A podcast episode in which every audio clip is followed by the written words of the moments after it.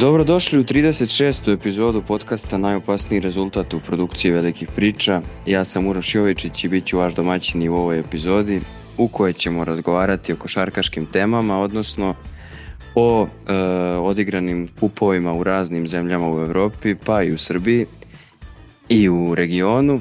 I sa mnom će zbog toga biti e, košarkaška rotacija, do duše ozbiljno okrnjena, jer od čitave dvojice s kojom delim tu rotaciju, sa mnom je samo jedan, jedan ali vredan, neko bi rekao.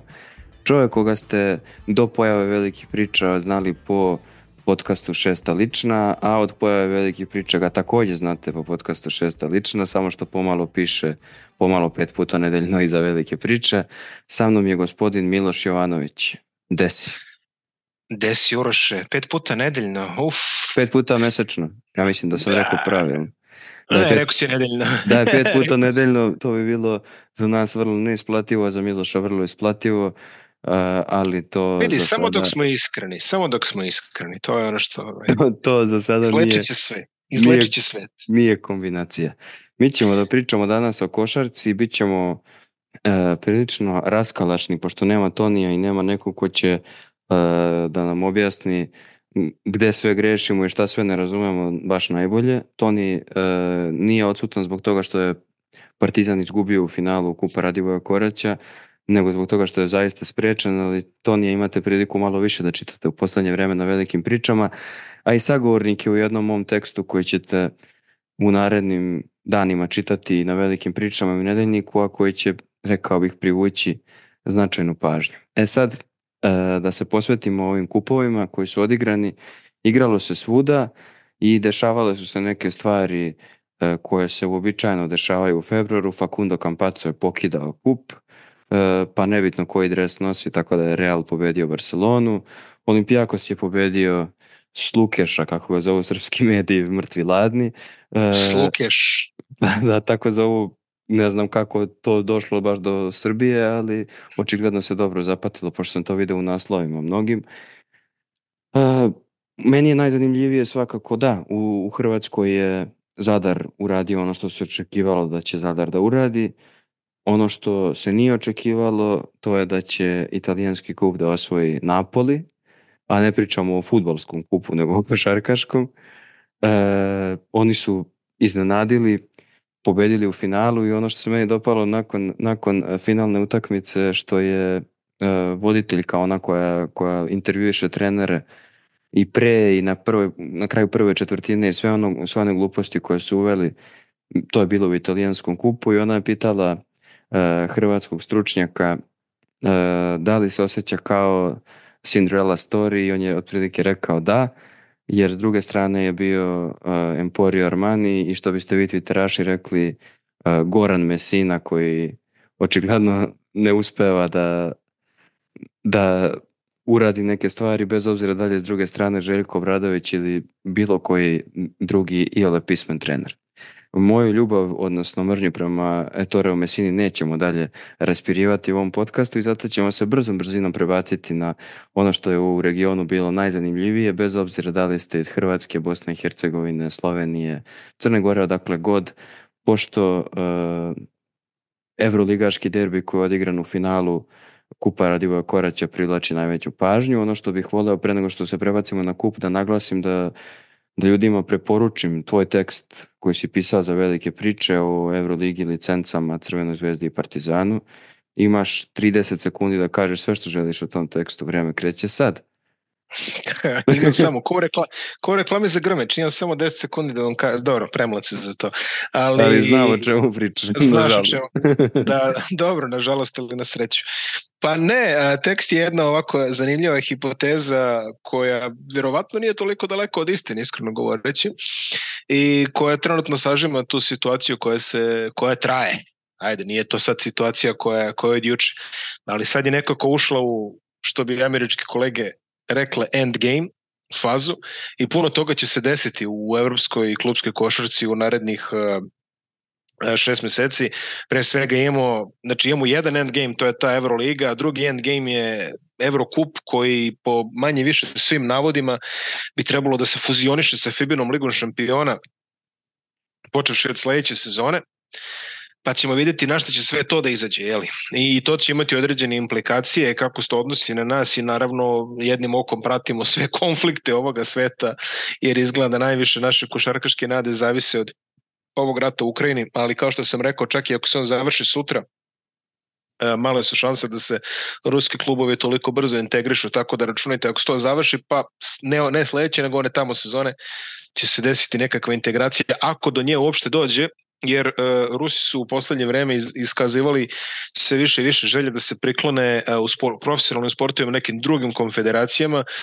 Ruski futbolski klubovi su razmatrali ulazak u azijske Dakle. klubske tokove u Azijsku ligu šampiona. Sad, ok, ne bi im to bilo toliko atraktivno što se košarke tiče, ali eto, da kažemo da, da neka određena rešenja tu možda postoje. Najveća prepreka svemu tome je status uh, potpisane licence CSKA iz Moskve koje je uprkos tome ne može da igra to takmičenje. CSKA znači u momentu kada se sve ovo razreše ispegla u nekom najboljem scenariju da kažemo CSKA se sigurno vraća ja verujem da će pokušati da se vrate. Sad ne znam, taj Zenit mi je malo sumnjiv zbog svih veza tamo oko Gazproma, Putina i ostalih stvari. Generalno klubovi iz Sankt Petersburga su kao što je Zenit, kao što je uh, SKA uh, u hokeju, kao što je Zenit u futbolu i tako dalje. Generalno možda je UEFA bude malo dodatno proskribovala zbog veza sa režimom. Uh, generalno i Putin i Medveda vole da podržavaju klubove iz tog regiona, tako da ajde, možda, ali tu je neka lokomotiva, tu je neki, ne znam, Ma, naći će se neki tim. Naći će se nešto, naći će se nešto, u svakom slučaju očekujem, ali ono, ono ključno što mogu da kažem je ovaj, da oni, oni će vrlo rado prihvatiti Dubaj ako ga mi odbijemo. A sad iz nekih razloga, dobro ti razlozi jesu pragmatični, ajde moramo da kažemo da ovaj, bilo bi stvarno bez veze da Euroliga primi klub koji nema matično takmičenje unutar evropskog kontinenta. Jeli, makar su i oni Mislim toliko... da je po pravilima moguće, ali da je bez ne, ne, veze. sigurno je, sigurno je, sigurno je moguće, ali bi bilo ekstremno bez veze da se to onako jeli, u rebra baš desi. Tako da oni verovatno planiraju da posade Dubaje preko nekog trojanca. Po meni ekstremno nerealno da, da neki nacionalni savezi, pošto sve, sve lige su nacionalne, potpisnice Eurolige, osim VTB-a i, i ABA lige, ekstremno mi je nerealno da recimo Španci prime Dubaj, to se neće desiti, a, Da, čak ni Turci mi ne, čak Ni Turci, Turci ni ne dole- Italijani, da, mislim. Ne, da- ne, ne, ne, ne. Pa ne, ja ne, ja ne verujem da će i jedna nacionalna liga kompromitovati svoj Pa integritet. to može samo neko ko nema integritet, realno. To- dobro. Dobro, da. U Pa redu, može, e sad pazi, poslednji statut uh, ABA lige je rekao, valjda koliko se sećam da e, da ne možemo više primati članove van teritorija bivše Jugoslavije.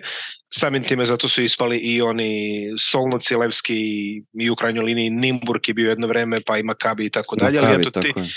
ti eksperimenti Makabi u dva navrata, ti eksperimenti su stvar prošlosti koliko se sada Međutim, statut nije najteža stvar da se promeni, ali fora je A što... i nije teško dokazati da je Dubaj bio deo bivše Jugoslavije, to je makar. moguće Dušanovog carstva ili tako nešto, ali, ali, ali dobro, onda, onda možemo i Pao Kijaris generalno ovaj, da, da nekako ovaj, probamo Tako da je, samo bolje da ne pričamo o tome koga bismo sve ubacili u ABA ligu, nas dvojica, to bi moglo Ne, ne, ne, do ne kraja treba, ovog A- ali, podcasta. ali, ali vidi, ali vidi uh, kod nas i dalje bi bilo nekakve debate.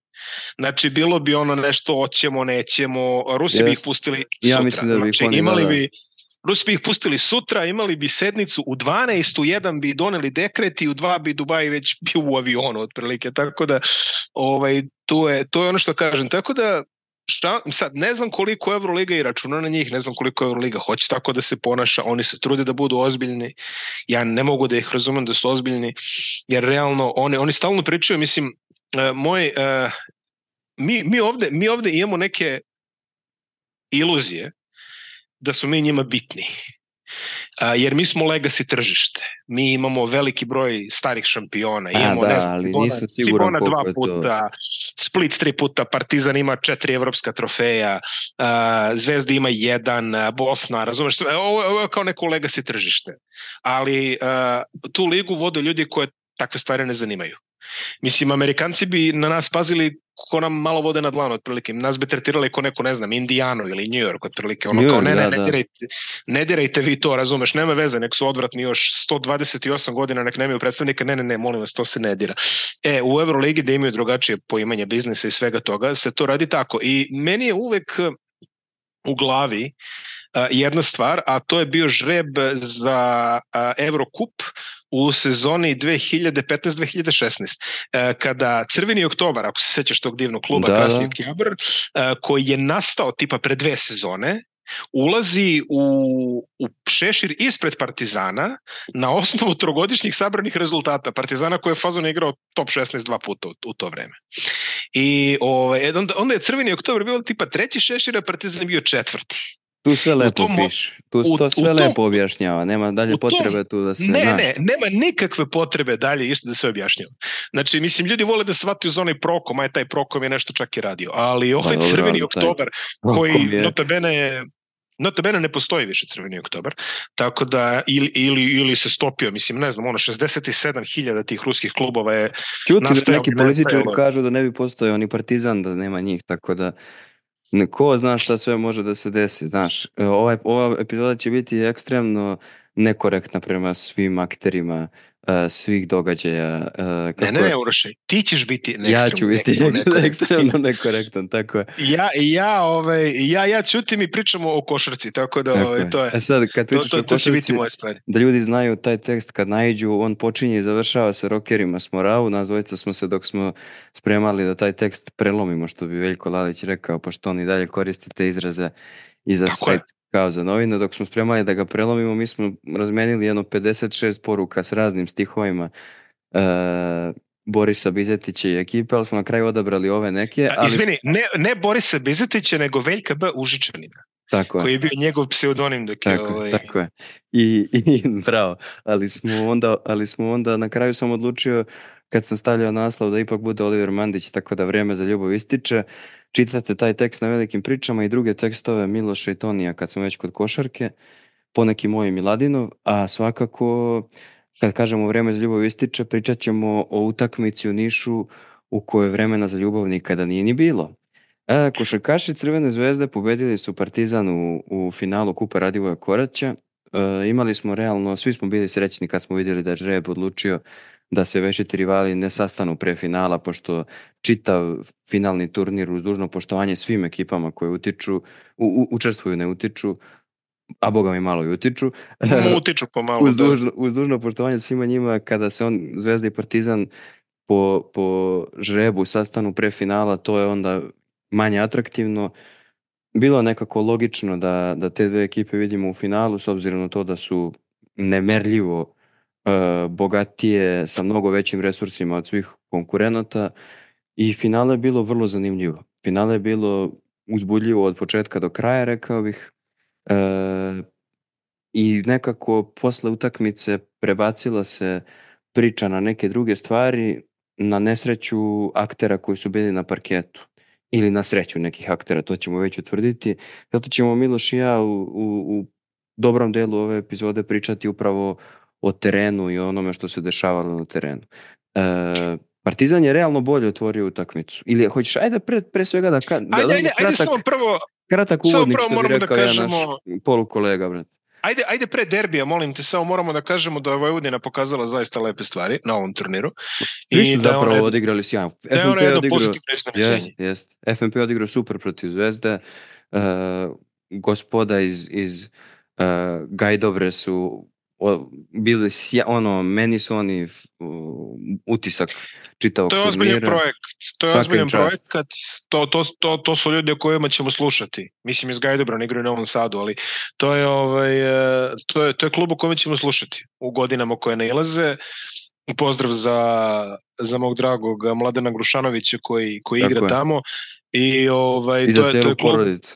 za celu porodicu naravno. A, to, je, to je klub koji, koji raste, isto kao što Spartak a, raste, to su neki projekti koji ovako polako dolaze na svoje, njihovi ciljevi su plasmani u ABA 1 u dogledno vreme, vidjet ćemo dokle to ide, ali evo Hercegovac dobro, dobro stoji, Spartak takođe dobro stoji, tako da lepe stvari očekujemo od njih zaista. E, Da, nije mi bila namera da bilo koga tu preskočim ili da omalovažim njihov rezultat, nego samo da, da se fokusiramo na ono što je najzanimljivije. Svakako svi koji su učestvovali su, većina zapravo timova koja je učestvovala, nešto su pokazali i na neki način su privukli pažnju i e, ono što je meni bilo zanimljivo, a tiče se onoga što je upravo tebi ispričao Svetislav Pešić u projektu na kom si radio i na kome i dalje radiš, jel? E, na kome i dalje radim, sutra snimam, tako, tako da eto. E, ko ne zna, neka, neka obrati pažnju na košarkaška pravila. E, Pešić je rekao Milošu, a to je bilo pre e, svetskog prvenstva, da misli da je vreme za razvoj domaćeg šampionata i da se okanemo ABA lige. E, I onda je pošto su neke ekipe zaista odigrale dobre utakmice, onda se dosta pričalo pre finala o toj Pešićevoj tezi i o tome koliko je ona ispravna ili nije ispravna, ali na kraju se ipak sve svelo na, na to finale i na ono što bih volao pre nego što se posvetimo samo utakmici još kratko, samo da kažemo u kom stanju su bile ekipe realno pre finala, a obe su ekipe bile, ja bih rekao, priterane dupetom uza zid, pošto dosadašnji deo sezone uh, nije uh, ni blizu onakav kakvom su se navijači nadali i onakav uh, kako su ulaganja od početka sezone izgledala. Nije srazmeran tome. Uh, Partizan je izgubio mnogo više utakmica u ABA ligi nego što se to očekivalo, iako nije izgubio previše, ali očekiva, ali, ali, da, očekivalo, očekivalo se, se da izgubi dve u vrh glave, izgubili su nešto više od toga i deluje da je njihova, njihova borba za prvo mesto nije naravno teorijski postoje šanse, ali mislim da, da je tu Zvezda polako prišla Zvezdin to... raspored do kraja je dosta lakše. Ja da, ne vidim da, da će Zvezda izgubiti da, da još jednu utakmicu. A tako je, mislim da, da je Zvezda u, u prednosti. E, pored toga Partizan nije u dobroj poziciji, u sjajnoj poziciji, ima i dalje naravno šanse čak i za šesto mesto do kraja Evrolige, ali i da obezbedi direktno playoff, ali čak ni za play nije sigurna situacija pošto je dosta ekipa vrlo blizu. Zvezda je s druge strane bolja u ABA ligi i ima to prvo mesto, jedan korak do prvog mesta, ali u Euroligi ima značajno stresnije nastupe za svoje navijače, rekao bih to tako. Mm. Iako i Partizan ono vrlo stresan po, po svoje navijače, ali Zvezda je ove sezone umela ozbiljno da nabije živce svojim simpatizerima, tako da su jedni i drugi ušli u ovo pod nekim pritiskom. Mislim da je, e, što da ne kažemo i to, i Željko Obradović bio pod pritiskom s obzirom na to da je u ovo njegova treća sezona u Partizanu, da je u prve dve osvojio jedan trofej, pa se i o tome dosta govorilo. E, govorilo se dosta o tome da, da na neutralnom terenu e, nema one priče o tome kako domaći teren, uticaj sudije, e, Žika, Mika i sve ono o čemu se priča, da, da to neće imati takav uticaj i da će zapravo ekipe u Nišu pokazati e, koliko su dobre i kakvi su im kvaliteti i mislim da, da je zbog toga utakmica dobila dodatno na značaju. Kako je tebi izgledala e, Partizan je mnogo bolje počeo, mnogo bolje otvorio utakmicu, bio mnogo racionalniji. Um, Partizan je u derbijima koje je gubio ove, sezone, znači u, u revanšima u, u oba ligi i u Euroligi, uh, Partizan je derbije koje je gubio otvarao dosta mlitavo. Da, da. Uh, znači sa, sa manjkom angažovanja, a, sa lošom energijom i, i generalno sa nekim promašajima i rotacijskim i u izmenama i tako dalje, onda bi se oni vraćali kroz utakmicu, ali uglavnom situacija bi bila takva, minus bi bio već dovoljno takav da, da, da situacija je bila stvarno teško, iako je, ajde, par navrata su stigli skoro da se vrate. Ovde prvo polovreme e, bilo potpuno drugačije. Prvo Partizan koji ima jako loš skok, gotovo celu sezonu, izgledao je jako dobro u skoku celo prvo polovreme. dosta do, dosta dobro su kontrolisali reket, izbacili su zvezdu iz reketa. A, protiv zvezde, zvezde, izvini, protiv zvezde koja ima zapravo jako dobar skok, u, pogotovo u Euroligi. Da, da, da, da, da. Sa naj, naročito ofanzivnim skokom. Ono što je meni bilo zanimljivo tu kako je uh, Balša Koprivica gradio Bolomboja. Iznenadio što, me, da, što nije lak mečev da, za njega. Da, da. Baš je delovalo, za njega. Baš je delovalo da, da, je, da su to ozbiljno skautirali i pripremili da Balša radi ono što, što je dogovoreno, da Bolomboj ne uspeva dođe do lopti koji inače kupio Euroligi protiv iskusnijih centara. Um, Takođe, Crvena zvezda je imala velikih problema sa Kevinom Panterom u prvom polovremenu, koji čini mi ispostavio da. nešto 18-20 pojena, sad se ne sjećam. U prvom po, ali ja mislim da je Crvena zvezda izmenjala sve pogrešne odbrane koje postoje protiv Kevina Pantera. Čak u, u par navrata su čak pomagali sa Kevina Pantera. Da, što da, da. je suludo, što je suludo na 800 nivoa. Ok, Kevin Panter je stvarno ono uh, ume da uđe ono u zonu, što kažu Amerikanci, ume on da pogađa dosta, ali svakako mu ne treba pomagati da dođe do toga. I oni su imali dobru utakmicu, jako dobru utakmicu Zeka Ledeja, koji je pogodio što, 7 trojki. Ali ja bih rekao da nešto. da se Zek uključio, bio dobar i prvom polovremenu, ali su u drugom bio je dobar i u prvom. U drugom, u drugom se pogotovo uključio. Međutim, i, i uprko svemu tome, ok, bili su tu minusi od desetak poena a, za Crvenu zvezdu, uprko svemu tome Zvezda završava polovreme sa koliko toliko pozitivnim da, sa pola rezultatom. Koša sa pola koša minusa. Znači, uh, vidi, um, Jan, uh, Janis Veropoulos uh, ima, ja, ja ne mislim da je on loš trener, ali on ima nekakve čudne amplitude u vođenju meča. Yes. I ume da se desi da pola meča vodi Kotija, a pola meča vodi ko evroligaški trener. E, i, i ovde, se, ovde mi se čini da je on onu goru polovinu ispuca na početku. I onda kad sam, kad sam vidio da je Zvezda odigrala jako loše polovreme po meni, znači sa dosta promašenih zadataka, sa dosta loše energije, sa, sa nekim čudnim rešenjima, I opet zostaje samo pola koša, mogao sam se osjećati relativno optimističnim po ulazku drugo polovreme, jer ok, Kontaš ne može ovaj celu utakmicu da, da vodi ovako, a i morat će početi zvezda što u prvom polovremenu katastrofalno. Morat će nešto da počne da ulazi. U drugom polovremenu mnogo bolje energija Crvene zvezde, pogođene izmene, adaptacije su se desile, I onda se pojavio onaj pravi Janis Feropoulos, ono, da, da. Ušao, ušao u govornicu negde ovaj, u Čajru i, i promenio Vratit, delo, vratite Janisa, da, da. Trepnje skinuo naočare, da, I, I onda je odradio po meni stvarno drugo polovreme e, visoko na nivou zadatka. E sad pazi. A Partizan, da, Prvo, ajde. Ja, ja mislim da je bitno tu za prvo polovreme da se naglasi Partizan je otišao na mislim na 27-17, mislim da je bio rezultat. Ja mislim da je 10 razlike ili 11 10, razlike 10, bilo da, da, najveće vođstvo. Da. I, I u tom trenutku delovalo da je Zvezda baš pogubljena. Panter je počeo da pogađa, pogodio je mislim već dve trojke u tom trenutku i jednu polu distancu. Uh, Zvezda je to što kažeš, birala neka sumanuta rešenja, a skok, ono što Zvezda sebi u Euroligi često omogući drugu, treću šansu da, da reši situaciju, nije dobijala uopšte priliku jer je Balša sjajno gradio sve koji su bili tu.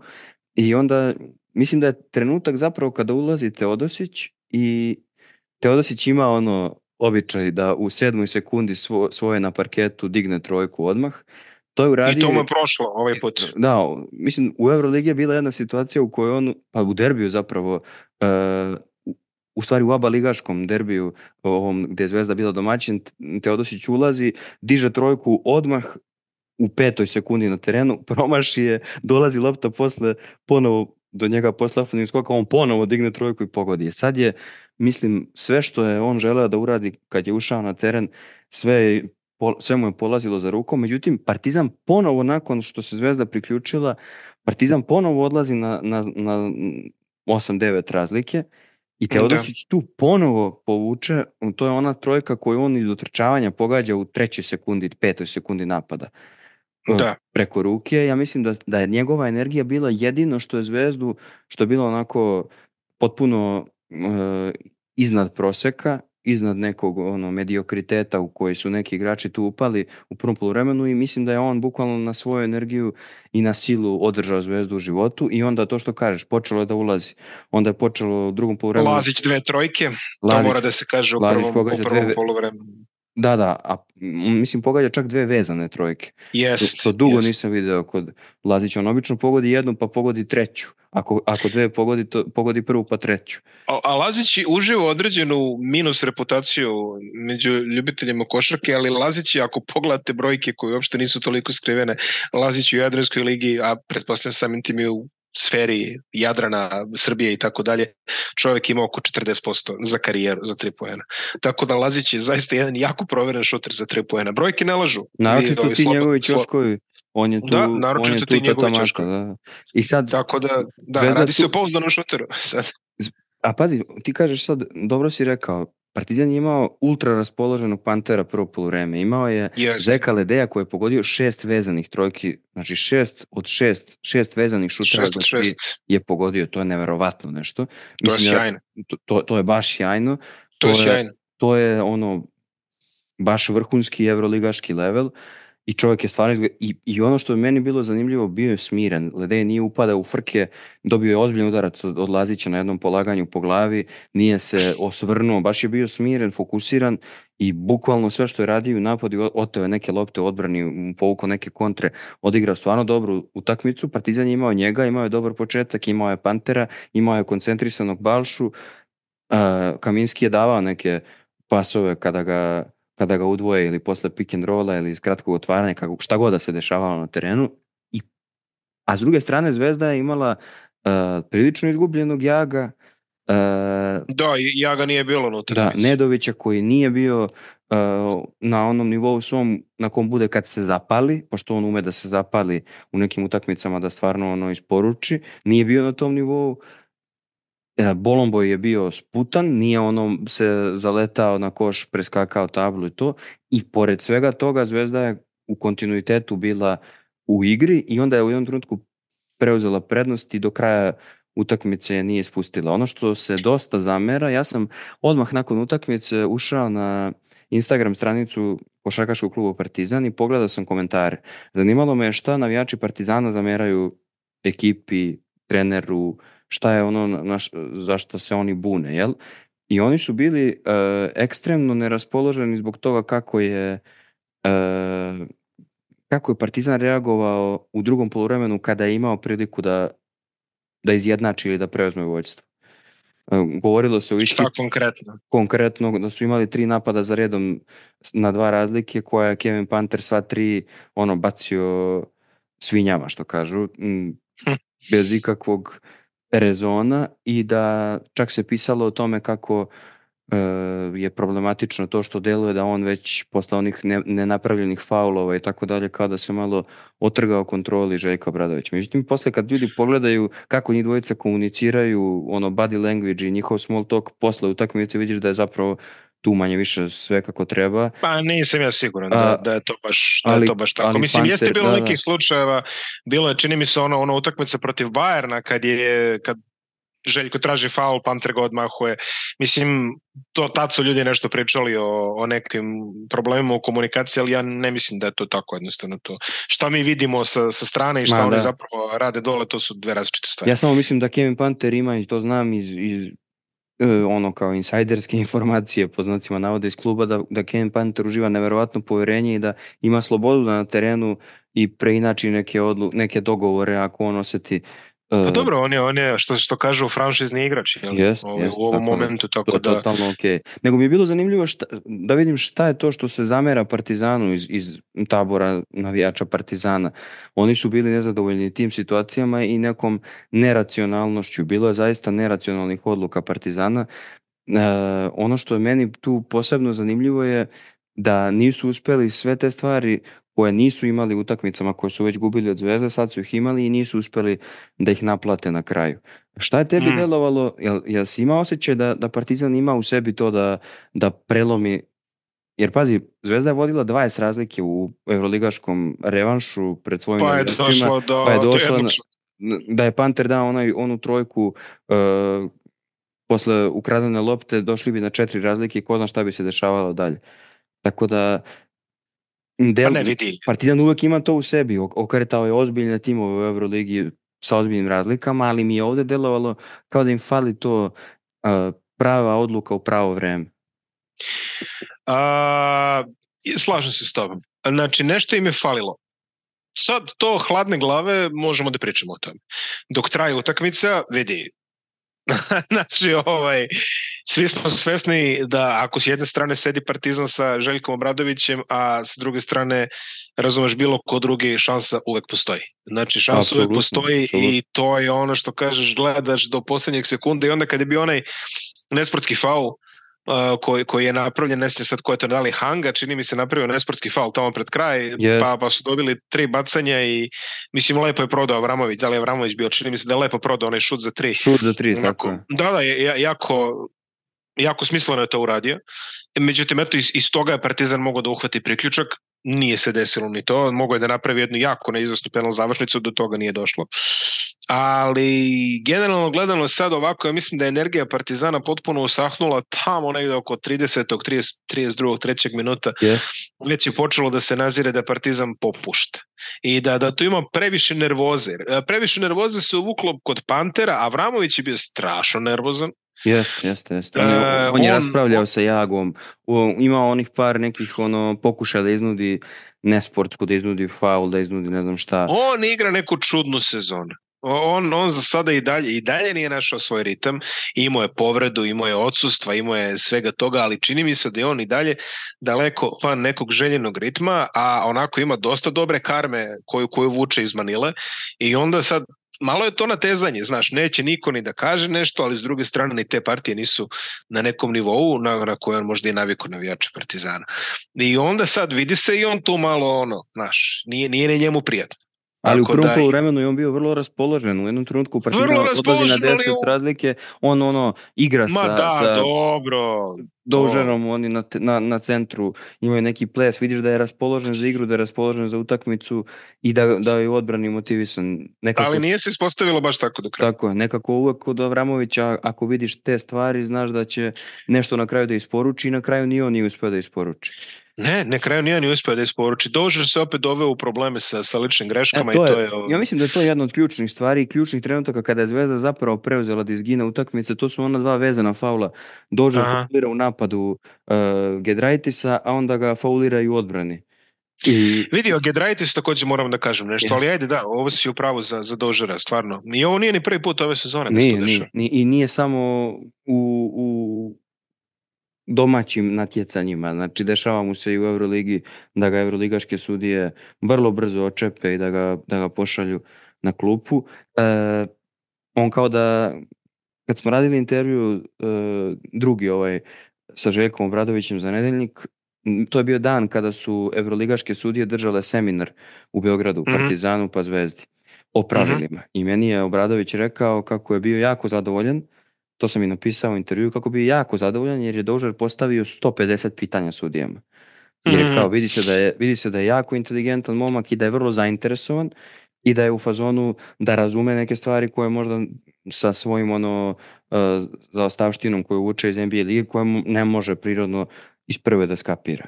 Ne deluje u nekim utakmicama da je da je do kraja skapirao šta će sve ovde da mu sude. E sad, uh, bez njega ono što je jedna jako bitna stvar koju su ljudi podlačili navijači Partizana e, i sa kojima sam razgovarao i tiči sam komentare čitao, mada uvek je ljudi koji komentarišu na mrežama, to uvek taj kao kredibilitet njihov se dovodi u pitanje, ali meni je bilo zanimljivo kao velika baza komentara. Svi kažu nije PJ Exum. I to je... To, mm, Znaš, pa drugačiji su. Drugačiji, drugačiji Mislim, PJ ne može da napravi toliko prostora koliko je Exum mogao. Tako PJ nije toliki fizikalac. Nije daleko. A sad, sad, sad se postavlja pitanje, sad se postavlja sasvim legitimno pitanje da li Partizanu više pogoduje jedan takav fizikalac, jedno šilo kao što je bio Exum, ili Dožer koji ima zaista dobre kvalitete. Ne no, mogu da kažem, ne, ima ne mogu da kažem da nema inteligent, inteligentan igrač i sve to. Međutim, šut, da. Partizan i konkretno ekipe Željka Obradovića u poslednjih, ajde da kažemo deseta godina, evo da kažemo od Fenerbahča, e, imaju dosta iskazane napadačke koncepcije da se oslanje na jednog igrača koji će prodorima praviti prostor. Znači ima prodor pa vraća na prodor, vraća tako na prodor, tako. vraća na i dosta, dosta napada zavisi od toga. Meni se čini da Partizan nema tog prodor igrača, to, to je bio Avramović na primjer u prvoj sezoni, yes. pa se on nadopunjavao sa Egzumom u drugoj sezoni idealno, pri čemu Egzum je stvarno zver, mislim jedan stvarno fizički neverovatan primjerak igrača i još zdravlje ga je poslužilo, što je bilo odlično za Partizan i za njega i on je stvarno napravio opet iskorak, njemu svaka čast, evo i u NBA mu ne ide loš. Igra super, da. Ali, da. Ko, ko igra gleda super, Dallas, igra, ko gleda Dallas može da vidi da njegovu tu igra, igra, igra ima... super. Ima ulogu, drago mi je zbog njega zaista Ma, i sve to, ali vidi, uh, oni su njega zamenili sa igračom koji ne može tako razumeš da ti protutnja, da napravi prednost, da vidi, možda bi bi mogao PJ, PJ Dozier imao problema s povredama, to da nije imao tih problema s povredama, možda još NBA igrač, ajde da kažemo i to, ali to ne, može on, ne može on baš takvu prednost da napravi u tom sistemu uh, koje, koje bi mnogo značila igračima sa strane koji, koji igraju da, da, da. u Stvarno Željko Obradović. Ovo si rekao da, da, da, da, da su ga povrede omele, palo mi je nešto na pamet, mislim da je kod Edina u podcastu ABA Liga, ABA Talks, kako se već mhm, zove, mm -hmm. da, je, da je Žarko Paspalj to baš spomenuo, da iskoristimo priliku da poželimo Žarku brzo poravak od ovog što mu se desilo. Nadamo se da ćemo... Pridružujem se. Da, da, nadamo se da će, da će zdravlje da ga posluži, da ćemo ga uskoro gledati. On je domaćin jel u, u ovoj partizanovoj loži kad se igraju euroligaške utakmice, pa da bude i u loži, a i kod Edina u podcastu. E, on je baš to spomenuo, on je rekao da, da, da su mu zdrave noge igrao, imao bi ugovor od 20 miliona u, u NBA ligi i dalje.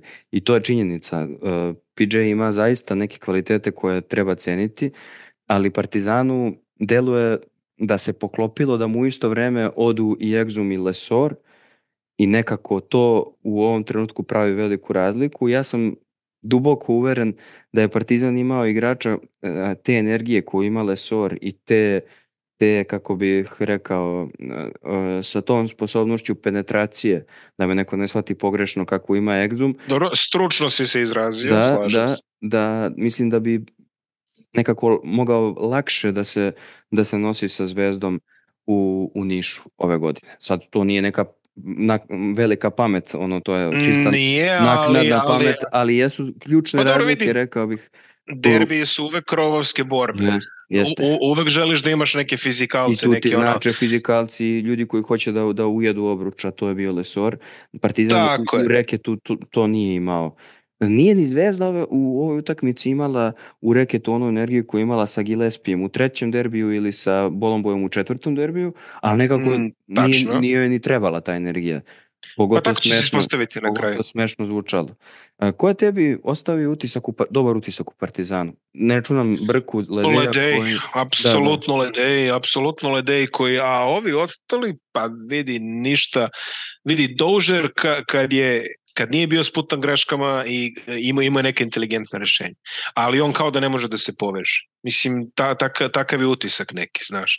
A, od ostalih znaš šta, Frank Kaminski, um, ja uvek volim da gledam Frank Kaminski kako igra napad, ali tako čovjek je, mora je. da kupi, mora da kupi minute igranjem u odbrani, a njegove noge su kao u cementu, on zaista ovaj, minus je u zaštiti reketa. Nije čak ni, ni nula, nego je minus. Jeste. I onda, ovaj... Baš se ovaj, osjeća. I ono, čak nije ni da ga tendencijozno napadaju ljudi, nego to prirodno ne, naj, naiđe na njega samo svaki to dan. To naiđe na njega, pri čemu čovjek ima stvarno inteligentna rešenja u napadu. Kako I stvarno, bi bilo je bilo je pitanje na Twitteru uh, kog partizanovog centra, moj, moj dragi prijatelj Tufi iz Crne Gore je postavio, kog partizanovog centra se, se sećate da je na ovaj način na ovu finesu uh, donosio prednosti. Uglavnom kad, kad, sad, kad ti motaš nazad, razumeš, jedno kažeš partizanovi centri koji su bili košgeterski, izuzetno produktivni, ti dolaziš do Pekovića koji je bio monstrum, kamenolom od čoveka, ti dolaziš do, do Aleksa Marića koji je do one povrede mogu se samo budakom da ga zaustaviš, ja mislim kako je čovek mleo tamo sve pred sobom. I onda kao tek kad moteš dalje dolaziš do i ove Stanojevića na primjer, koji je nešto najsličnije, pa Jova Stanović imao taj ono, taj ono crafty pristup oko reketa, znaš, da, ono kao da. ti ono poluhorozi, ubacivanja, polaganja, malo ovamo, malo drugi obruč, malo finta, znaš, tako da ovaj, moguće da je da je Jovo Stanović zapravo najbliže komparativ igri Franka Kaminskog uh, u reketu. I on stvarno nalazi inteligentne rešenja, ali moraš, moraš neko Pazi, da, na, da, sve to, na sve to je dodao i, i u poslednjih recimo mesec ili jače. Šut za tri. On pogađa šuteve za tri i to sve vreme. Pogađa šut za tri. Pogađa šut za tri. On se iz, iz, izvuče se i sa one čeone pozicije, da je tako nazovem, pogađa onako, u, ne, na nekim utakmicama je pogađao dve ili tri trojke, međutim ni toga nije bilo. Nekako sve vreme kad pričamo o ovoj utakmici nabrajamo niz stvari kojih nije bilo u Partizanovoj igri. Da, ni, evo, nije bilo Jamesa Nunnally. Nije bilo Jamesa James Nunnally koji je... igra jednu jako misterioznu sezonu James Nunnally i o, u nekim utakmicama preskače šuteve, a, nije aktivan uopšte onako. Sad, da li će on doći na svoje generalno? A onda dođe ovaj, protiv sam... Makabija i uradi što biste vi rekli u šestoj Dobro, protiv, pobi protiv i vrati sam, znaš. Da, protiv Makabija on ima specijalnu motivaciju. Mislim, to Edin je to više puta objašnjavao. Makabi je stvarno uh, odradio jedan takav ono hit job na Jamesu Nunnallyu da generalno kad je napustio klub, ja mislim da su oni zvali sve evroligaši i rekli nemojte slučajno da ste potpisali ovoga čoveka, radi se o kesi fekalija koja ne zaslužuje vaše pare i tako dalje, i tako dalje, ali eto on se ipak izborio da, da dođe do, do svoje reputacije. Uh, tako da on uvek ima specijalni motiv u tim utakmicama, ali vidio si ga u ABA ligi nekad, znaš, ono, ono što je nekad rešavao prošle, prošle sezone, njegov šut u Splitu, je de facto doneo Partizanu. I generalno, ajde da sve, što je, sve što je Naneli radio prošle sezone, mislim da je on bio jedan od ključnih igrača u, u tim, A u tim sad, ono, momentima Nekako kada se- se lome utakmice. Ume da se sakrije od lopte. Znači ima, ima utakmicu da Nanali uzme 3-4 šuta, pa ga nema, pa je opet ovamo. Pa, znači ne, jedna vrlo nekonzistentna sezona. Vidi, osim, uh, osim Ledeja koji je igrao stvarno dobro, jede, kažemo, Koprivice i i, i Pamter u prvom polovremenu ne mogu da kažem da puno, partiz, puno igrača Partizana ostavilo neki izuzetno pozitivan utisak. S druge strane, e, Zvezda je imala, takođe nije imala ono uh, sijaset raspoloženih igrača, ali je imala recimo uh, dvojicu koja su ozbiljno povukla i nekoliko njih koji su odradili svoje, ono što treba da se odradi. Davidovac je odradio svoje, Jasno. Pokupio neke skokove, pogodio neke šuteve, nabacio da. neke na, lopte na obruč. Uh, Lazić je, kao što smo rekli, uradio svoje, ali bih ja izdvojio Gedraitisa i Teodosića. Gedraitis je odigrao, Apsolutno Gedraitis. bio vrlo, ne znam koji drugi izraz da upotrebim, neću biti nekulturan ako kažem da je bio napaljen, bio jako napaljen, na, a njega ne Dobro. vidiš često, znaš, ne možda vidiš baš njega često da, da ono fleksuje, da steže mišiće, da, da vrišti u publiku, loži se on, ima utakmice u kojima se ozbiljno naloži, kad je pogodio protiv Baskoni onu trojku, za, kad je Zvezda prišla na pola koša za ostatka, kad se nije srušila arena, tad si video na njemu ozbiljnu reakciju, ali nema on ono što imaju neki drugi igrači kada ih krene, ali ovaj put upravo u toj sekvenciji kada je dva puta za redom iznudio faul PJ-a, videlo se koliko mu to znači i pritom je zaista pogađao i one dve, tri trojke koje je dobio na svojoj poziciji i ono što je išao na ulaz po čelnoj liniji, baš je bio, baš je bio razigran. A, vidi, a, Rokas Gedraitis je u Zvezdu došao sa reputacijom čoveka koji topi se u visoko pritisnim situacijama. Znači, to, to, su, to su stvari koje su mi rekli Litvanci sa kojima sam razgovarao, sad Lijezić će reći da ja ne pričam s Litvancima, nije istina, zaista. O, imam, imam, imam i Litvance s kojima pričam, šalim se, ali zaista ne. U nekoj, u nekoj diskusiji sa, sa Litvancima koje poznajem, oni su rekli kao, pa ne, kao dobar je on, ali kao malo ume da ga stegne. Znaš, kad, kad krene malo ono, when the going gets tough, što bi rekao Boldrik, tough get under the table, e pa on je takav neki lik, ta, s takvom reputacijom je došao. I onda u, u to kako je sezona odmicala, znaš, onda još popričao sam sa par trenera i, i košarkaških radnika i oni su u fazonu, ma, ma neka, zna, zna se, znamo mi ko je on, znaš. Znamo mi, znaš, čuo sam ja za tu salu, što bi rekao ove,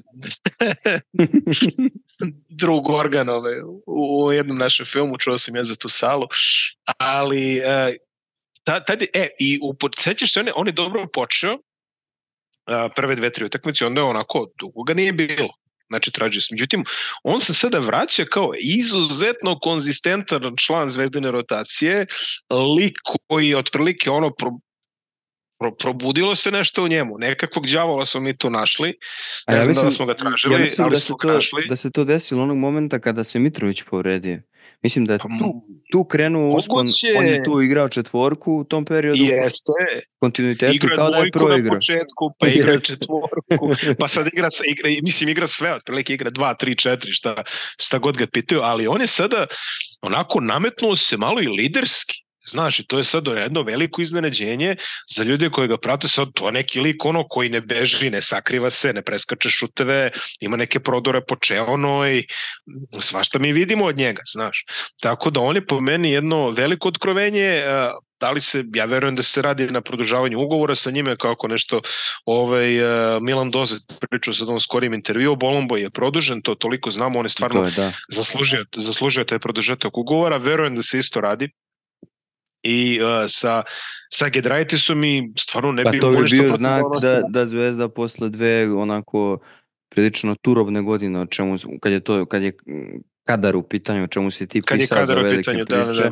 da, da onda sada ima neke racionalne poteze, aj tako to da kažemo. Pa ima, mislim, pazi, Bolomboj opet nije ono, znaš, ne, ne možemo da kažemo da to neki ono krem de la krem evroligaških centara, pa dobro, ali... ali apsolutno je, ali čovek je apsolutno zalaganjem kupio sebi ugovor, ja mislim da je to najpošteniji način u profesionalnom sportu da ti sebi obezbediš egzistenciju tako što ono zapinješ ko ko konj ono na svakoj utakmici, yes. radiš ono što treba da radiš, da pošteno zarađuješ sve to, pošteno zarađuješ minute, znači ne sklanjaju te zato što se ne trudiš.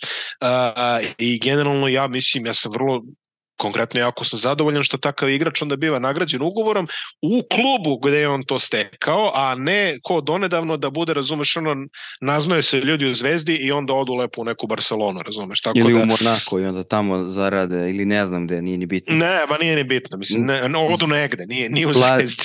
Gde će nije da, u Zvezdi. Tako je, gde će da se naplate. O, ali ipak... Pa dobro, daš, i, i, imam, imam i svo razumijevanje sveta za tako nešto, ali lepo je kada ovako ali, nešto. Ali ne, ne, ne, ja ovo što ne govorim u kontekstu kontekstu da su to da su igrači tu nešto loši što odlaze da naplate to što dobro igraju daleko od toga, nego mislim Slažem da malo, malo isklop okolnosti i to kako se klub postavi, šta oni žele i tako dalje, pa se, dobro, dobro, slažem se. Pa slažem se ispostavljalo da, da, da odlaze. E sad, I pored takvog Jedraitisa, opet je MVP finala kupa Radivoja Koraća, Miloš Teodosić i pa, pisao, si, i pisao si nije o tome, daleko od toga, i pisao si o njemu I pričali smo o njemu u prošli put kad smo bili svi zajedno, rekao bih, i bilo je e, raznih teorija o tome da li je došao prekasno, da li, da li će moći da pruži Zvezdi to što želi i tako dalje. I, na, i naročito posle prvog derbija kada je promašio ona bacanja silna, kada je delovao uh mhm. -huh. da se stegao, iako ima toliko iskustvo, ali onda on ovo što radi u, u ovim utakmicama a pogotovo u ovom finalu kupa gde je bio vrlo racionalan, pogodio neke teške šuteve, podelio, mislim njegov ulazak na teren je bio propraćen onim ekstremno teškim pasom, to je prva akcija koju je odigrao pick and roll e, i on sa, sa vrha reketa daje pas Bolomboju gde je udvojen i to ne, on je neki jako težak pas gde si od početka vidio da je 100% ono nabrijan na utakmicu, tako da mislim da je on zaslužio apsolutno MVP nagradu, a, Jest. a i da je to što smo rekli prelomio svojom energijom neke stvari. A sad Pričali da, smo prelomio svojom energijom u 37. godini. Što stvarno zvuči smešno, a s druge strane... To zvuči smešno, ali eto, to smo... Naročito to smo... za, za igrača koji nikad nije plenio nekom energijom, nije da je bio da stari kao LeBron James pa da kažeš, znaš kao i u tim godinama. Ne, Teo je radio neke, neke druge stvari tokom čitave karijere i neke druge stvari su ga krasile, ali od kad je došao tu, delo da mu je baš stalo i mislim da navijači Zvezde to cene, makar po onome što... Pa svi su prepoznali taj moment. Njemu stvarno, mislim, pazi, ovaj, izuzev ako izuzmemo onu misterioznu godinu u grčkom prvenstvu, kada je bio defanzivac godine u grčkoj ligi, to je neki fenomen koji će arheolozi proučavati u dogledno da, vreme, da, da. ali, ali ovaj, generalno gledano, ako izuzmemo sad tu sezonu i onaj čuveni vic ovaj, što je on pričao, zapravo... Za Kirilenka za Kirilenka, da, to je to je meni pričao, čini mi se još u intervju tamo 2016. pred kvalifikacioni turnir za, za olimpijadu u Riju, I, ali, al generalno je on imao taj, ali vidiš, meni je, meni je najsimpatičniji bio u tom intervju, ja sam ga pitao jer vidiš sebe kao trenera. I on kaže, man, da li si normalan, kao otprilike, ono, ja tre, kaže, prvo kao ono, prvo u fazonu, ja, mene zamišljaš kao trenera, drugo zamisli sad neko, razumeš, ovaj, ja njemu kažem, ono, izađi iz rogova na, po 45 i on uradi nešto treće, ja bi ono, bacio bi tablu i izašao bi napolje. Mislim. A to Tako vidiš da, i sad. Ali, ali, ali, ali, ali, ali ti vidiš da on ima a, dosta više strpljenja. Znači, pazi, ovo je, E, ovo je kvalitativno, ovo su daleko od onih ekipa u kojoj on igrao u CSKA, u Olimpijakosu, pa ajde sad, ne znam za taj Virtus plus minus, ali, a, ali generalno gledano, ovaj, dobro, o Clippersima da ne pričamo, generalno gledano on pokazuje dosta solidne osobine strpljenja u odnosu na, na saigrače i kada, kada nisu sve kretnje kako treba i kada nije skroz u sinku sa svime onime što on radi, tako da pokazuje jednu iz, izrazito zrelu uh, crtu liderstva. Ovako možda malo vokalnijeg nego što smo nego što smo navikli od njega. I pa to mu se na kraju krajeva do sada u ovoj sezoni isplaćuje. Znaš, odigrao neke pa, brutalne pa, utakmice u Euroligi. Da. Evo sad je da. MVP finala bio vrlo važan i u prethodnim pobedama Zvezde protiv Partizana. E, pričali smo o tome šta je ova utakmica e, predstavljala pre nego što je odigrana ali sad je, sad je mnogo veće pitanje šta će ona predstavljati u nekom nast, u nastavku sezone. I tu ne mislim na ono uh, dugoročne implikacije sad šta će da u junu da bude zbog finala kupa. Nikada se u februaru pa nikad mislim pazi ne ne naravno. Ali i ta teorija znaš ono kup, kup pokreće sezonu pa seti se 2016. kad je Crvena zvezda u polufinalu izgubila od Partizana izgubila je na jedan ekstremno mučan način Partizan koji je par nedelja pre toga bio, ne znam, 12. u ABA ligi i tamo gubi u Nikšiću sa 20 razlike u, u nekim suludim atmosferama, onda dolazi Zvezda koja jaše tamo top 16. juri ulazak u četvrt finale, Quincy Miller, Kinsey, ovo ono, cela ekipa i ne možeš uhvatiš skok pored onog eh, Kevina Jonesa i ne znam kako zove, Williams, čini mi se onaj drugi Amerikanac koji je, koji je došao i Džikić koji ono stavlja klješta na crvenu zvezdu najdoslovnije u tom polufinalu kupa, Lazić koji daje neko izjavu tipa bili smo previše nervozni, a, ono, o, mediji raspravljaju da li ovo razvor u slačionice, da li Radonjić ne veruje ovome, ovoj onome, ovome, ovome i onda op, op, op, op i desi se onaj Efes u vršcu i ajmo svi nazad, znaš, kao ipak je sve u redu, znaš. Ma brate, uzmi Tako da prošlu da, sezonu, Zvezda okrene 18 razlike. Zvezda okrene 20 razlike, kao je li sad Partizan u kanalu, da li ovo to Partizan pitanje, onda igra Partizan tamo za malo vežeš, Final Four, tako je. Za malo Final Four, da, znači vežu yes. neku suludu seriju tamo, utakmicu u Euroligi, ubedljivo se plasiraju u play-off i eto za malo što kažeš dođe do Final Four. Mi ne možemo da Tako da- kažemo da, da, da, da se nešto odlučuje u februaru, ali da je ova utakmica, da ova utakmica ima makar u nekom uh, mezociklusu, možda ne makro, ali u nekom mezociklusu da može da ima uticaj, može, realno u narednih mesec dana atmosfera može, kako ne. O, u oba kluba može da bude vrlo, vrlo o, nategnuta. Ono što je tu važno jeste da se ulazi u završnicu Evrolige i da su tu ambicije vrlo velike i da e, je i predsednik košarkaškog kluba Partizan Ostoja Milović nakon što je, no to ćemo se naknadno osvrnuti, ali u toj nekoj svojoj izjavi posle finala kupa rekao je da je Partizan postavio dva rezultatska cilja, to je e, da uđe u top 8 i da u Euroligi i da odnosno u play-off čume na top 8 kod je 2011. I... Pa dobro, treba, a, ako bude bio u play-inu, onda će morati prvo uđi u top 8, to tako se lepo rekao. Tako je.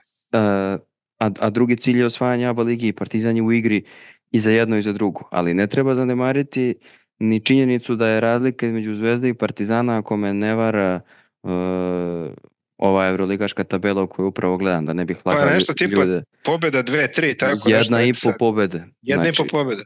Pa da, znači Partizan ima pa... 12-14, Zvezda 10-16, Zvezda ima, čini mi se, bolji bolji skor. Ne znam za taj skor, zaista ovako u Euroligi, U Euroligi, da, mislim da... U Euroligi, mislim, ima u ABA ligi nema sigurno. To, nema, to da, da, da, u Euroligi ima bolji skor, tako da e, to sve kad pogledaš, vrlo je bitno kako će ova utakmica da utiče, kako će da se razvije situacija, pošto je sad pauza e, zbog reprezentacije. Imamo je reprezentaciju, tako da. je, i, i gde će dosta igrača iz ovog derbija, mislim šestorica su na, na Karijevom spisku, e, Tako da će jako bitno biti kako će posle povratka iz reprezentacije stvari da izgledaju, jer vrlo lako Partizan ako veže par dobrih utakmica može da ode zvezdi, što je Kako realno ne? nulti cilj da se bude ispred večitog rivala, a vrlo lako može da se desi da ako veže par loših rezultata da Zvezda bude barabari da do kraja sezone to bude veći cilj nego da se uđe u... u... Pa šta je ovo, ja ne brojim ako saberemo ovaj kup, ove Partizano, ne znam, nešto tipa šesti poraz u 11 utakmice ili tako nešto. Jest, sada. jest. Pa nije, nije najsjajnija serija, barem, barem što se tiče... I, I upravo to je dobar šlagvord za, za ono što, što želim da pokrenem, a to je, to je konferencija Željka Obradović. Ja sam želeo posle utakmice pažljivo da poslušam šta će reći oba trenera, jer me zanimalo sve ovo što smo ti ja pričali, mene tokom utakmice, dosta sam stvari tih primetio tokom utakmice i kopkalo me kako je moguće. Očekivao sam više od Partizana i Željko Bradović izašao na konferenciju i podcrtao je dve stvari kao, kao uh, ključne da Partizan izgubi finale. Ja bih se prvo osvrnuo na onu drugu stvar koju je rekao, a druga stvar koju je rekao je da ne može da utiče na igrača. Mm. Da se razumemo, meni deluje, priča se o novom ugovoru o Željku Obradoviću kao uh, ključnoj moneti Partizana u pregovorima za li, bilo kakvu licencu sa Euroligom, o njegovoj ogromnoj energiji koju generiše i navijačima koje okuplja i svemu što je već poznato, o čemu sam lično ja pisao, s njim razgovarao, o čemu mnogi ljudi pišu, to nije neka velika pamet da se to prepozna, Ćora bi video. I ne deluje mi da je on spreman baš zaista da ode posle ove utakmice sa klupe, ali da to što kažeš da je Partizan vezao jednu seriju neprijatnih uh, utakmica, čudnih poraza i protiv Virtusa i protiv Bajerna i evo sad protiv Zvezde i da je delovalo da on ne može zaista da trgne ekipu u ključnim trenucima, delovalo je i on je to čovjek vrlo iskreno rekao. I mene interesuje što, da li misliš da, da, da, da je to ono moguće? Naravno da je moguće, svako može da izgubi konca u nekom trenutku, ali o, ovo je dobar deo ove ekipe, on vodi i prethodne sezone i prethodnih sezona, dobro pozna ove igrače, mislim, malo mi je teško da poverujem u činjenicu da je Željko Obradović izgubio slačionicu. To je pa malo ne, ne preterivanje, to. da. Ne znam koje je to slačionicu Željko Obradović izgubio ovih 30 godina. Da, u karijeri, se... tako je u, u karijeri. Ba, ovaj, bilo je bilo je slučajeva da, da je bilo nekih, hajde kažemo, ovaj, loših interpersonalnih odnosa u reprezentaciji, ali dobro, to su igrači koje, koje nisi ipak doveo za pare, koje nisu pod ugovorom, pa je drugačija atmosfera. A i ona jedna da... polusezona, sezona u Panathinaikosu, ona čuveno izvinu ljudi što slušaju moje zviždu. Da, da, da, ma ne, ne, naravno, ajde, okej, okay, to se ipak je on bio predugo u Panathinaikosu, da mi sad to yes. sumiramo na osnovu jedne polusezone. A, Pa vidi, e, ja, ja mislim da neke stvari u Partizanu se ne raspliću onako kako su neki očekivali. E, pre svega, meni je recimo, sad ti kažeš ponitka, Pa meni je to jedna velika misterija, ja mogu ti reći. Yes, taj, taj, taj, taj čovek koji ima energije ko elektrana, koji jak, voljan, razumeš sve to, taj čovek dospeva u situaciju da prvo igra neku sekundažu, kači se sa navijačima, mislim, neke čudne stvari od tog čoveka koji je čovek koji uprtio onakvu Poljsku koja stvarno nije ništa specijalno na svoje leđa, odigrao onakav Eurobasket i razumeš generalno stvarno jedan dinamo od čoveka, eto on poslednji je kome bi rekao ne bi se snašao. Pa sećaš se kad smo onda... pričali pre početka sezone da smo, meni prvo osjećanje kad pomislim na ponitku, zauvek će mi biti asocijacija utakmica protiv Slovenije, znači Aha. Luku Dončića nije išamarao i školovao u, u NBA ligi niko za ovo vreme, ja se ne sjećam da ga je neko mm, bukvalno, onako uništio, njega je, njega je Mateuš Ponitka nosio u zubima. Svi znaju koliko je, kolika moja ljubav prema Luki Dončiću, koliko mi teško pala ta utakmica, to je neverovatno i meni, naš, uvek mi u glavi ta, ta, te scene kad mislim u ponetki, sećam se da smo nas trojica, to niti ja smo pričali koliko je on dobro pojačanje i koliko bi on, kad, smo, kad već pričamo o manjku energije i fizikalije i svega ostalog što Partizanu nedostaje, upravo bi on trebao da bude taj koji to donosi i upravo koji si, to donosi, ali nema si, ga. Nema ga, nema ga. Nema ga, da li je, mislim, bila neka povreda, ali više i nije povreda, mislim, on je sad match fit, tako da ne znam, ne znam zaista šta se to dešava. Ali eto, to, to je neka situacija kada igrač, da li ti to dovo, da li ti to dovoljno govori o atmosferi u klubu kada igrač od koga smo svi mi očekivali da on pazi, jer to je stvarno čovek koji se uklapa u svaki koncept, znači ono, hustle igrač koji dolaze da ti igra kod Željko Bradovića, on mora da ima minuta, on mora da pravi nešto. Znaš, istrpeli bi oni njegovo kamenjarenje, nije to problem, nije neki šuter.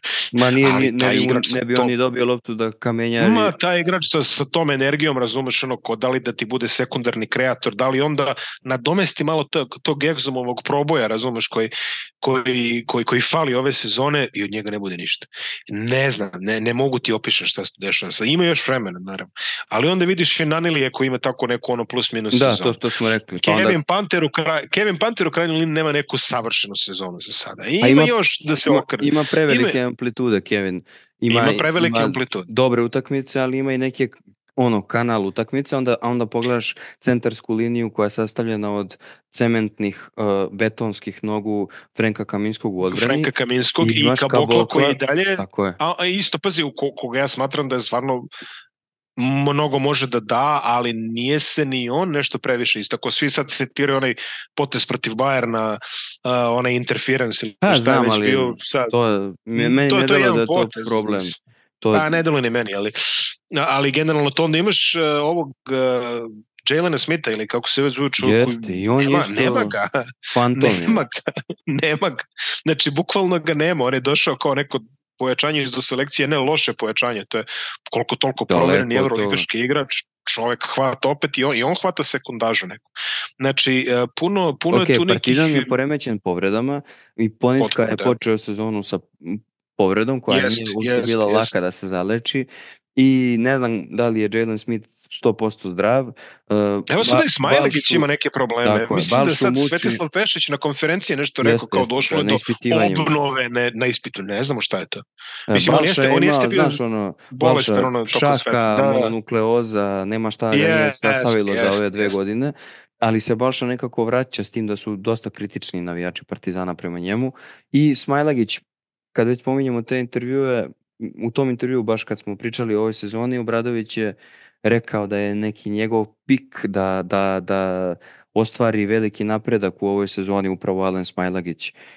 I ja nisam imao one utakmice pa, protiv Olimpijakosa. Nismo to videli za sada, verovatno ima tu i objektivnih faktora ako ćemo iskreno, sigurno, ali sigurno. ovaj, da, pazi, već ističe treća sezona. Već ističe treća sezona, čini mi se da neki igrači nisu napredovali onoliko koliko su možda svi želeli.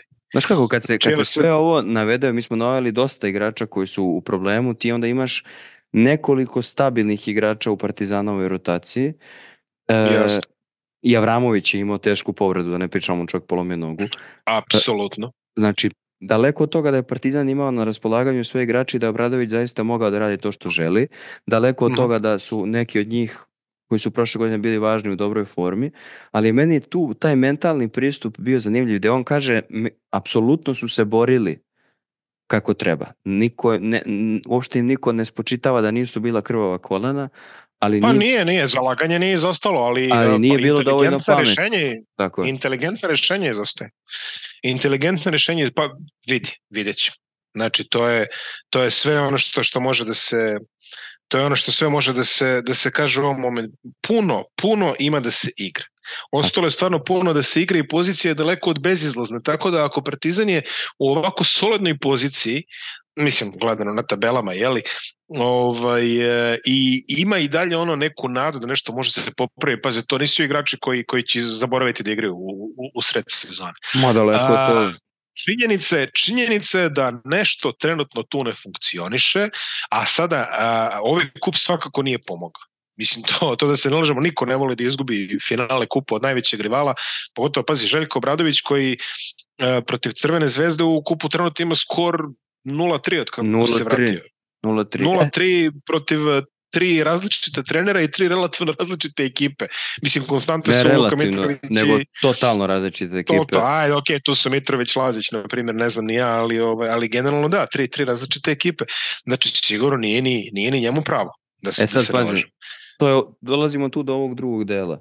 Ja znam da, ti, da si ti korektan čovek i da ti nećeš da laješ, ali uh, na, naglasio bih da je, da je prva stvar koju je Obradović je čestitao Zvezdi i e, naterao igrače da budu, da gledaju uh, dodelu pehara novom, novom starom osvajaču kupa i odradio je sve ono što on inače radi kada su takve stvari u pitanju, taj, ta pristojnost koju pokazuje, ali je govorio o tome da otvoreno je rekao da ljudi koji su sudili utakmicu nisu bili dorasli zadatku. Otvoreno je rekao da onaj koji delegira mora da razmisli kako to radi.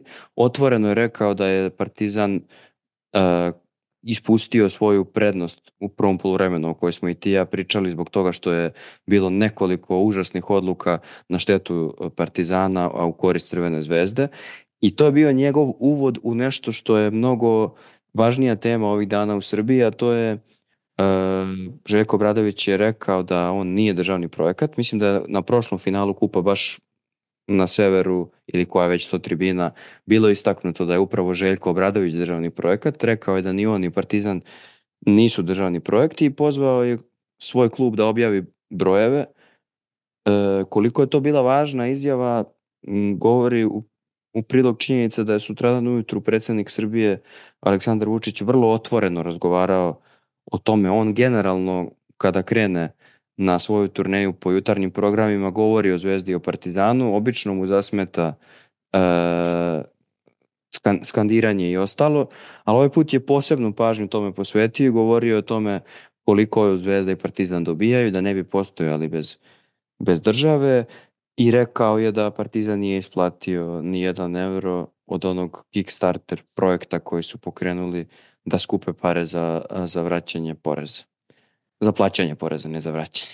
E, šta se dalje dešava? Ostoja Mijailović objavljuje saopštenje i e, objavljuje strukturu financija košarkaškog kluba Partizan od momenta kada je on u klubu.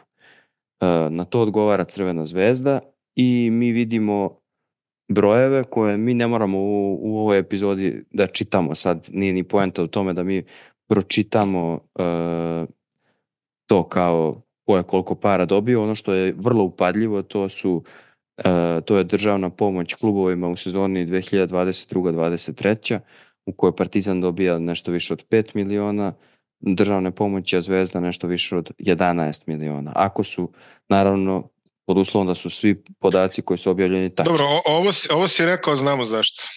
Da. da, da. Ovo sam rekao da bih, da bih neke stare... Da bi, određenoj, da bi određenoj osobi nešto pokazao, ali u, u redu. Ali da ne, da ne pomisle ljudi da je to neka osoba u klubovima ili nešto slično, to je osoba u našoj... Ne, ne, ne, to je osoba jedna jako ekipi, bliska osoba. Ne, tako je, u, u sportskoj ekipi velikih priča. Suština je u tome da e, se sve svodi na ono što je Obradović upravo i pričao u intervju za nedelje kada je rekao da misli da bi i Zvezda i Partizan trebalo da budu oslobođeni uh, države, državnog utica i tako dalje. Međutim... Pa u nekom idealnom svetu. U idealnom svetu, tako je, u, da. to, to, je, to jeste utopija, mada on meni rekao kad već govori, koristimo strane izraze, on više voli sociosi nego utopija i ja se slažem da Dobro. da Španci imaju super model, ali ako već pričamo o činjenici da želimo da, da Zvezda i Partizan i svi klubovi budu oslobođeni državne pomoći, da država to želi i da klubovi to žele, onda mislim da je bespredmetno govoriti o, o državnoj pomoći u datom trenutku.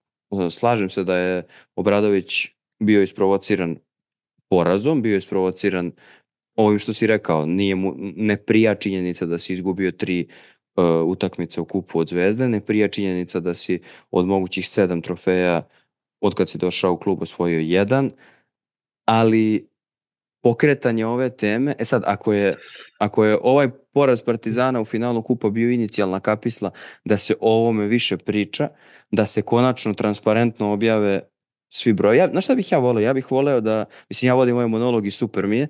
Uh, Samo ti, ja te slušam. uh, vole, voleo bih da, da vidim brojeve uh, od ono 2000 lupetam, od, od, od 98.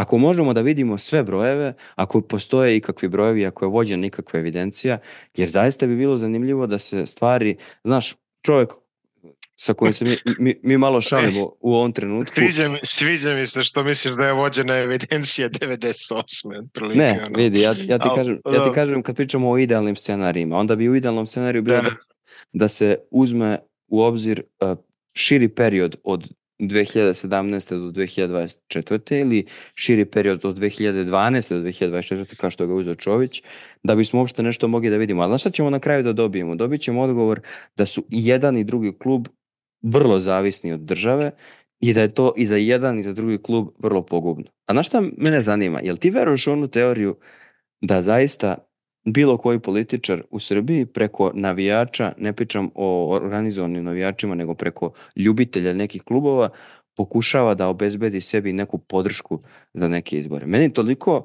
a mislim, ok, ja sam ono, e, kažu pa da je... ne znam. Kažu da je... Slušao sam, slušao sam i čudnije, ovaj, e, čudnije eksplikacije glasanja za određene ljude, tako da Znam, ne, ne mogu se. da ti odgovorim. Ali, znaš, kao, to je, to je višestruko pocenjivanje, ja bih rekao. Prvo, to je pocenjivanje od strane onih koji priznaju da uh, njihov ili glas nekog njihovog prijatelja ili nekog ko, sa kim dele ljubav prema istom klubu zavisi od toga da li će dobiti 500 ili 300 hiljada više ili manje evra, to je pod jedan. Ako to politička opredeljenje bilo koga, to onda govori o tim osobama. S druge strane, ako to bilo koji politički lider smatra, to, to govori koliko on zapravo ne ceni građane koji izlaze na izbore. Tako da cela priča ova koja je pokrenuta nakon, nakon finala kupa nema dodirnih tačaka sa košarkom, nema ni mnogo re, racionalnih i pametnih dodirnih tačaka sa politikom e, i svodi se upravo na ono što ni država navodno, ni klubovi navodno ne žele, a to je mešanje te dve stvari, politikanstvo i bavljenje, bavljenje nekim temama koje nisu u fokusu. E, da postoji idealan scenarij i da, da postoji idealan svet, ovo što pričam. E, šta misliš kako bi trebalo da budu uređeni Zvezda i Partizan? Koji bi šta se tebi dopada od, od, od modela koji postoje trenutno? Pošto si i pisao si o tome malo i, i o raznim licencama, organizaciji i svemu ostalom. Pisali smo o, svim manjkavostima Eurolige i o tome koliko u toj ligi zapravo nema para. Vidi, nema, tačno. Evo ti pričaš o Sosijasima, i to je super španski model Socios i onda vidiš da je Real izgubio 30 miliona za sezonu i onda se pitaš gde su Socios, šta oni mogu da urade. Ne mogu urade ništa, mislim, mora da se Tako pojavi je. neka slavina u vidu FK Real, mora da se, koji, koji opet FK Real kome je grad Madrid, on otprilike plaćao e, i šta, ono, mislim, i šakom i kapom otprilike, znaš. Tako da, na, nažalost, ovaj sport koji komentarišemo u sferi evropskog kontinenta je zaista vrlo labilan i mi pričamo o državnoj pomoći, kakva je državna pomoć, razumeš, koji uživaju, ne znam, ovaj Makabi koji je otprilike grad, država u sebi ili Žalgiris, gde se otprilike cela jedna lokalna samuprava, ovaj, znači, pazi, ljudi pričaju o Žalgiriju areni koji je čiji je vlasnik e, opština Kaunas i, i tako dalje, nisu to to nikakvi sjajni modeli samodrživog poslovanja, nego svi imaju nekakve inekcije. Da li je putem sportskog društva, Bayern, da li je putem... Barcelona, ma bože da nabrojiš milion Ne, ne, ne, Bayern, Bayern je zdrav primjer. Bayern je potpuno nezavisan od, od FK. Ali nije to... bio sve vreme, znaš. U jedno... početka jeste. U je, Iz početka jeste i je. imam, imam crno na belo izjavu Marka Pešića da kaže da je Mjuli Henes dao nula dinara. Otprilike on kaže sve, sve su morali sami da zarade. Tako da Bayern, e, i Bayern i Alba tamo stvari funk... E, ajde da kažemo francuski klubovi koliko toliko transparentno funkcionišu jer francuska liga a, iznosi godišnji izveštaj o potrošnji i poreskim implikacijama njihove ligi i onda je u fazonu svako ko dobije preporuku vi smete da trošite, vi ne smete, vi ne smete ništa i i, tako dalje. Tako da ajde, da kažemo francuski, ali to opet nisu zemlje koje su nešto previše poznate po svojim košarkaškim super uspesima u poslednjih 10-15 godina. Tako da uh, generalno sudbina nam je takva kakva znaš. Jer vidi, uh, u nekom idealnom svetu sad Crvena zvezda i Partizan se privatizuju i onda ono šta počnemo. Znači, ono, mi kao krenemo da investiramo u mlade, malo igramo u Eurocup, malo su budućnosti CDVita prvaci i tako nešto. Šta misliš, Uroše, koliko to može da traje? dok, pa, dok, dok, ljudi ono, dok ljudi ne odustanu od svega. Ja bih voleo da pitam, godine, tako, tri ja, godine, ja, ja bih voleo, voleo da pitam, da pitam navijače koji, koji A, a kažem, premisa, svi smo, za, za, svi bismo voljeli da se ova priča konačno jednom završi, ali... A jeste, ali posle druge spreman, sezone... Tako je, tako je. Ko je spreman to da Ali trpi? posle druge sezone, ali posle druge sezone u kojima mi, ne znam, sa mladim i perspektivnim timom u kojem igraju likovi od, ne znam, 17 do 19 godina, dva povratnika i jedan Amerikanac gubi u četvrtfinalu ABA ligi od studentskog centra koji je, ne znam, ono, imao neke dobre investicije u tom momentu, u kom momentu će ljudi da krone, da poču da viču država da uradi nešto. Znači, ti mi, ti mi reci. E, vidi, mi smo, mi smo pod presijom, mi smo pod presijom i Crvena zvezda i Partizan ne, neke sezone manje, neke sezone više, ali mi smo kao hrčkovi u onom točku.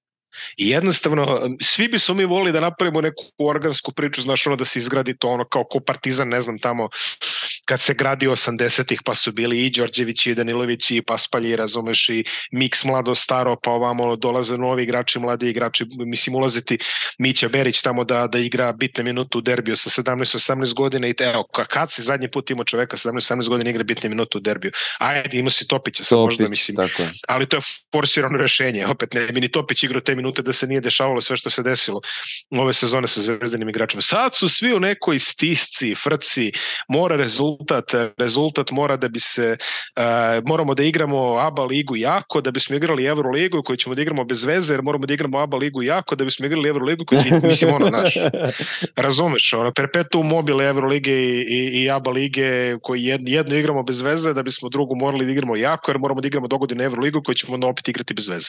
I tako nekako, znaš, ide u krug, mislim, ceo taj cirkus se dešava.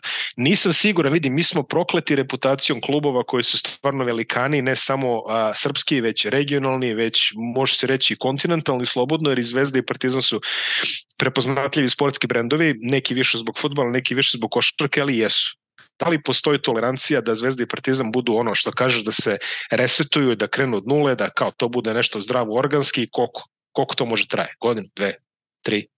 Nisam siguran. Koga zanima, da... ko, koga zanima ta priča o mentalitetu, mogao bi da pročita uh, tekst Vlade Novakovića o Baraku Baharu. I onda tu kad pogledaš njegovu priču, kako on lepo ono, portretira zvezdašku javnost, ono što se tako naziva, nisam siguran da postoji preterana razlika između zvezdaške ali, ali postoje, nismo to mi izmislili, znaš. Postoje jasne mislim, razlike između... Ja se sećam, ja se sećam Edina koji, koji u našem podcastu koji kaže, kaže zamisli u realu ti dođe i kao evo ove sezone malo razigravamo klince, ono cilj nam je šesto mesto da. i Liga Evrope i ovi bi rekli aha važi da, super. Znaš. Da, da. I, i, I, ti gledaj to. Ili, ili Barcelona, naš ono košarkaški klub, kažeš evo sad ćemo totalni rebuilding da radimo, pa ne bi one bele maramice vrteli po tribinama, nego bi izvodili zolju. Izvodili bi zolju otprilike tamo, da, pa jasno, pa šta ti.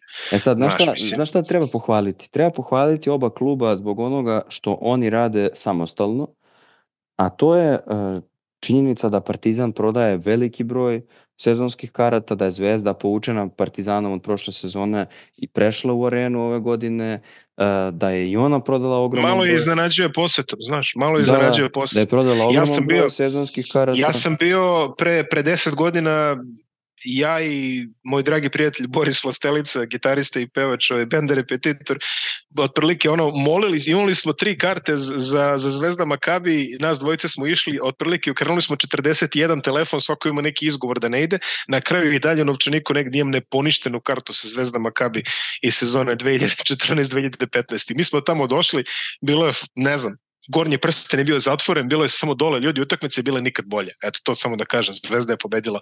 Ali takvih situacija nismo vidjeli previše ove sezone, a stanje na terenu je gore nego što je bilo tada. Jeste, i ono što je jako bitno naglasiti, e, ljudi bi trebalo da pogledaju u oba proračuna koliko zapravo klubovi sami novca proizvode. E, trebalo bi da po, pročitaju malo tvoj tekst pa da, da pogledaju koliko zapravo publike Zvezda i Partizan dovode 21%, čini mi se... Da, mi 21, 21,5%. 21% ljudi koji odlaze na košarkaške utakmice u halu da gledaju Euroligu idu da gledaju Zvezdu i Partizan. A daj, da, i to je bez gostovanja. Izbaci onaj, to je bez gostovanja. Tako je, na kojima i Zvezda i Partizan, Partizan naročito s onom nekom svojom dijasporom koja ima re, čak i transparent uh, dominiraju na gostovanjima, ali ono što je meni zanimljivo, izbaci, molim te, za, za, za sam kraj epizode podatak o tome koliko ljudi igra fantasy sa ovog našeg Pre, prema, prema dobrim izvorima, da kažemo tako, ajde, kažemo prema, prema pouzdanim izvorima, 60%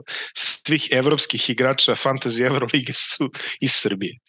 60%. 60%. I sad suština svega ovoga nije da mi budemo ono najgora bagra koja se bavi čistom hipokrizijom i da govorimo kako ne treba da se uopšte bavimo politikom u sportu i sportom u politici, daleko od toga. Samo je suština u tome da je tema koju je Željko Bradović pokrenuo legitimna, ali da u ovom momentu kada su objavljeni svi ti proračuni, kada je sve to sad jasno, zapravo ništa nije jasnije nego što je bilo, da će i dalje ostati priča o tome da će jedni optuživati jedne da su državni projekat, drugi druge i da uh, će se sve na kraju ponovo svoditi na teren i da će srećni na kraju biti samo oni koji na terenu odnesu pobedu.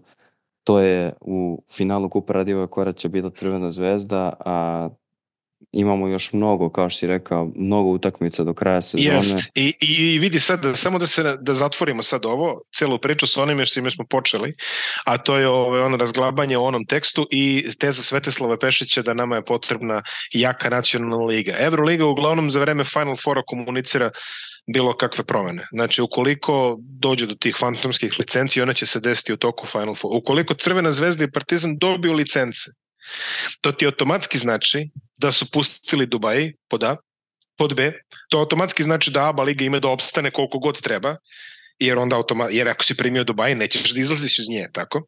Tako je. Tako da neki san koji uh, bilo, bilo bi uh, ekstremno paradoksalno da Crvena zvezda i Partizan koji godinama jure uh, evroligaške licence ih onda konačno dobiju, a onda se onaj san o tome da um, zatvorimo ABA ligu, to je izađemo iz nje, ne može da se realizuje, jer si vezan zbog, jesi, mislim, dao si Dubaji da bi dobio licence i samim time osuđen si na ABA ligu, mislim osuđen, ja nemam ništa protiv ABA lige, ali iz ugla ljudi koje, koje to zanima, onda si i baš, biš barem pet godina. Jer vidi, ako si ti dao garancije da primaju Dubaji, a ti si dao, ti si dobio ovo za ozvrat, onda ne možeš da izađeš. O, ostaje nam zanimljiva situacija koja će se desiti šta ako samo jedan dobije licencu. Vidi, jer onda, onda se pravi jedan jako pikantan scenario koji može da bude veoma eksplozivan. U kom smislu eksplozivan? Hajde zamisli, ako, ako jedan klub dobije licencu, evo neka bude Partizan, a druga a, a, a drug, i, i ostane na snazi da se igra da, da prvak ABA lige igra ovaj uh, igra je li Evroligu. Znači 1 plus ABA, nek bude tako. Prvo, Da li će Zvezda prokušati da minira Dubaj? Evo, na primjer tako. Da li će Zvezda pustiti Dubaj i onda probati sa njima da se biju za to finale? Ili da li će Zvezda da krone nešto u fazonu kome treba ova ABA liga, bla, bla, bla, hoćemo, sad se oni okreću na neku, znači, onda bi taj drugi klub mogao da iskoristi celu tu furtutmu i da kaže, e, znate šta, sad ovo nas više ne zanima. Vidi.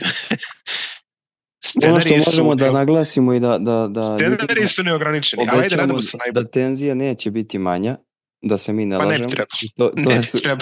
to je suština, da, da tenzija manja biti neće, da uh, nas čekaju samo još važnije utakmice od ovog finala kupa, da nas čekaju još važnije konferencije za štampu, još važnija saopštenja, još važnije Excel tabele, da nas čekaju ne, još, još važnije, važnije vesti iz Okrenu se Hase po poslednji put. Iz, tako je, iz Barcelone i da ćemo biti tu da sve te važnije vesti obradimo što kroz tekstove na velikim pričama, što kroz podcaste, što kroz neke priče u nedeljniku koje takođe možete čitati u printanom izdanju. Tebi hvala, nije šesta lična, ali možemo da pogledamo što bi rekla čuvena izreka. Do, bilo je, da. meni, je, meni je bilo zabavno, malo je falilo da pričamo o Schwarzeneggeru prvih šest minuta epizode, ali ljudi koji, vole, jeste. ljudi koji vole tebe da, mada bismo mogli i ti i ja, ali uh, sačuvat ćemo to za neke uh, stare koncepte, nećemo da kvarimo uh, ništa, samo ćemo da pozovemo ljude da nas slušaju redovno, jednom mesečno smo uh, u košarkaškoj rotaciji, Tonija ćemo da nateramo da se ovako opusti u sledećoj epizodi kao nas dvojica, da ne brine toliko o tome šta će reći, jer Toni je jedan precizni analitičar i poznavalac, da mu kažemo da nam je nedostaje u ovoj epizodi, da pozovemo sve da se obavezno pretplate na velike priče, pošto je stvarno jeftino za kvalitet sadržaja koji dobijaju, e, da, da vas pozovemo da se subscribe-ujete, da rejtujete, lajkujete, obavite sve što treba da se obavi, tužna violina što bi Miloš pokazao, e, sada vi ne možete da vidite, Možda su gosle, otko znaš. I, I da na kraju podelite sa prijateljima ovu epizodu da mogu lepo da nas vređaju ako im se ne sviđa to što pričamo ili da nas hvale i da nam pumpaju ego. Hvala Miloše što si bio sa mnom ovog utorka, hvala svima, čujemo se sledećeg utorka sa futbolskom rotacijom. Ostajte zdravo i gledajte košarku. Pozdrav. Hvala Oroše i hvala svim ostalim. Pozdrav.